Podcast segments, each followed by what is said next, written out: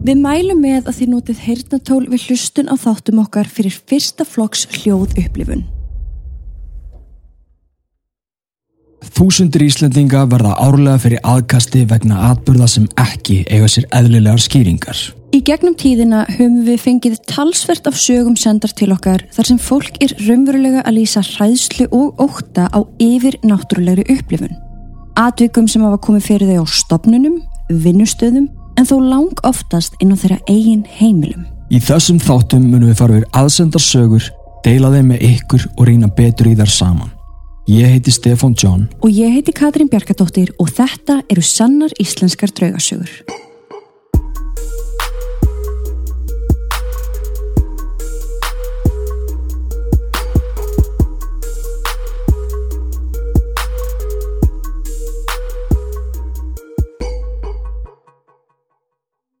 Komiði sæl kæru áskrifundur og velkomin inn í þennan stormasama februarmánuð.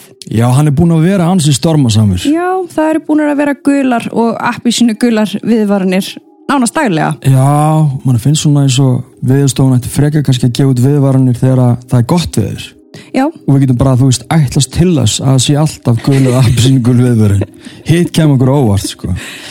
En það væri alveg frólægt að vita hvort að einhverjir sé að upplifa eitthvað undarlegt á sínum heimilum af því að já. orkan í veðrunu náttúrulega magnar upp draugagang. Allt þetta vatn út um allt og það er alveg vitað þegar það er stormur í gangi eða einhverja svona veður, hann farir, að þá eikst draugagangur. Mm Og svo er náttúrulega líka búið að vera svolítið fullt tungl. Já, hann var ansi fullt. Það var ansi fróðlegt að fá að vita, jáfnvel bara einna í aðtöðasendum, hvort að þið séu búin að vera að upplifa eitthvað. Svo viljum við endilega hvetja fólk til þess að senda okkur sögur. Mm -hmm. Hvort sem þið eru búin að því á gamla draugasögu e-mailinu eða ekki, bara endilega sendið okkur á sannaratdraugasögu.com. Við erum konum með þó nokkrar en við viljum alltaf fá fleiri. Við viljum fá fleiri vegna þess að þetta hlaðvarp er náttúrulega bara ykkar sögur. Nákvæmlega. Þannig að við verðum að halda áfram að fá sögur frá ykkur til þess að geta haldið hlaðvarpinu gangandi. Og það er ótrúlega gaman að sjá hversu margir eru búin að senda og hversu margir eru líka bara búin að já, setjast neyri í fyrsta skipti og kannski vera bara pæli þessum hlutum sem að þú veist, þau eru kannski búin að burðast með óksla leiki einmitt. Fullt af fólki sem er að hugsa bara, herðu, já núna, ég ætla bara að skreiða það neður ég ætla Já. bara, ég ætla að komast aðeins til botts í þessu. Þannig að endilega sendu okkur á sannar.draugasögur.com og ég laka til að fara yfir sögun ykkar Annað sem við viljum minnast á eru samfélagsmiðlarnir okkar. Sannar íslenska draugasögur er með sitt eigið Mhm. allstaðar fyrir með okkar eigið Instagram, okkar Facebook. eigin Facebook síðu. Við erum að vinna í því að opna heimasíðu sem er tilenguð sönnum íslenskum algjörlega. og eins Ghost Network sem er sko framleiðslu fyrirtæki sem að framleiði bæði draugasögur podcast og þetta hlaðvarp sannra íslensku draugasögur en það er nýtt hlaðvarp á döfunni núna í byrju næsta mánu Það er væntarlegt þriðja þriðja. þannig við hvetjum ykkur til þess að endilega fylgja okkur þar líka á Ghost Network inn á Instagram og Facebook og fylgjast þið bara vel með þið viljið ekki missa af þessu Nei, þetta veistu- er alveg spennandi Og líka gaman sko ef þið eru með ykkur hugmyndir. Hvað haldið að nýja podcasti verði um? ó já, skjótið á okkur Já, við munum setja þess að linka á þessi samfélagsmiðla hérna í show notes þannig að þið getið fundið þetta bara hér. Frásagnir dagsins koma frá einum aðila. Þetta eru fjórar stórar frásagnir frá ótrúlega skemmtilegri konu sem er tilbúin að koma undir nafni. Hún heitir Harpa Finnsdóttir og ég man að þegar ég var að lesa yfir sögurnar hennar þá hugsaði ég, vá þessi konu er engin smá penni Já. og öll þessi atvik, þetta er alveg efni í heilan þátt. Svo við ákveðum að tilenga hörpu þátt dagsins. Segja ykkur hennar frásagnir með hennar orðum og ræða sig um málin eftir hverja og eina. Harpa byrjar á því að senda okkur tölvupost sem hljóma svona.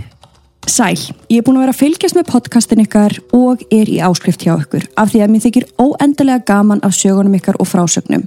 En ég skal þó viðurkenna að margar af þeim erlendu frásögnum hef ég heyrt áður og kafað í í gegnum árin. Að grúska í andlegu málefnum, rannsóknum og draugagangi ásamt mörgu öðru sem að fellur inn á þetta svið hefur verið svona eitt af mínum aðal áhuga málum. Það mætti segja að þetta hefur í raun verið hluti af lífi mínu frá því að ég var lítil. Ég næm, já, sé og heyri, finn og dreymi, En með árónum hef ég þroskað sjálfa mig í að vera skeptísk á móti því sem ég upplifi. Af því að ég rannsaka hluti áður en ég tek afstöðu svo að það sem fyrir mér ber sé rétt. Stundum ferða samt ekki á milli mála hvað er í gangi.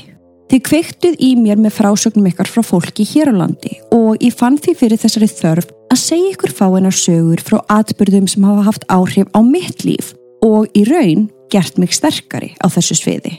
Ég er ekki mikið fyrir aðtikli og þess vegna held ég bæjarnöfnum öðrum nöfnum ásand mínu nafni á bakvið tjöldin þó svo að ég segi ykkur nafn mitt. En eins og þið sjáuð í frásögnum mínum að þá er fyrsta sagan um það leiti sem ég er 17 ára gömul. Önnur sagan þegar ég er um 25-30 ára, þriðja og fjórða sagan þegar ég er um 45-46 ára. En allt þetta stús byrjaði hjá mér þegar ég var um fjögur ára gömul. Ég er 48 ára í dag og hefði stað í þessu í allmörg ár. Þið megið alveg breyta textum og þess áttar, mér er alveg sama, mér finnst ég bara knúin til að segja ykkur örlíti frá minni reynslu, en uff hvað ég geti sagt ykkur svo miklu meira, en læta vera að sinni. Takk fyrir Katrín og Steppi fyrir að vera svona frábær, það er voðalega gott að einhver opni svona allir rækilega og óhrætt umræðuna um drauga, anda og þess áttar. Ég er stolt af ykkur. Vá, takk fyrir falleg orð. Við höfum samband við hana eftir að hafa farið yfir sögurnar hennar og þá gaf hún okkur jáfnframt leifi til þess að nafngreina hana. Við nafngreinum aldrei fólk nema það gefa okkur sérstaklega leifi til þess. Það verður alveg eftir hverjum og einum hvaðan kýs. En svo er líka svo gaman að sjá tímaröðina mm -hmm. hérna. Hún talar um að fyrsta frásögnin sé að gerast þegar hún er um 17 ára. Mhm. Mm önnur þegar hún hvað 25-30 ára, svo þriðja 45-46 og hún sé 48 ára í dag mm. En líka að hún hafi byrjað að verða vörfi yfir náttúrulega hluti þegar hún var bara fjögra mm -hmm. svo ég trú ekki öðru en að hún harpa okkar lumi á þó nokkrum sögum í viðbót sem að þú ert vonandi tilbúin til þess að halda áform að deila með okkur en er þá ekki bara tími til að byrja? Ég held það Saga 1 Sundlögin Á árunum 1991 til 1992 bjó ég tímabundið í litlu bæjarþorpi á Vesturlandi. Ég er á bylinu 17 til 18 ára á þessum tíma. Eitt kvöld að vetri til ákvað ég á samt nokkrum krökkum að skell okkur í sund í tiltekinni sundlög sem staðsett var nokkrum kílometrum utan við þorpið. En til þess að komast í sund þurftum við að fá leifi hjá umsjónarmanni staðarins sem að bjó á bóndabæ rétt neðan við sundlögarbygginguna. Þegar við höfðum fengið leifi kerðum við upp afleggjaran í myrkrinu. Ég hefði aldrei komið þarna áður og þegar ég leitt sundlegar húsið augum blasti við mér rörleg bygging sem stóð efst við enda afleggjarans. Í minningunni var bara skuggin af fjöllunum fyrir aftan og engin önnur hús fór í nágrinninu nema húsið hjá umsjónumanninum sem var þá neðist á afleggjaranum rétt við þjóðveginn. Einn af strákonum tók upp lekil sem var af hörðinni inn í sundlegarbygginguna og opnaði. Sterkur klór þefur lagði á mót okkur og urðum við enn spenntari fyrir því að drífa okkur í lauginu og hafa gaman. Við stelpunar fórum í okkar klefa og strákarnir í sundklefa og hófst nú amstrið við að sturta sig og koma sér í sundfötin. Þegar ég var að klæða mig í sundbólinn fannst mér ég heyra mannamál innan úr sundleginni og taldi ég það vera strákarna. Ég kíkti fram en sundlegin var henn tóm og ekkert sástilstrákana en ég hugsaði ekkert meira um þetta. Við úlingarnir skemmtum okkur all vel í lauginni og vorum þar líklega um tvo tíma en þá var klukkan líklegast farin að nálgast meðnætti og ákváðum við að láta gott heita. Þegar ég var í sturtunni heyrði ég aftur hávært mannamál koma innan úr sundlauginni. Ég kíkti fram en sá engan.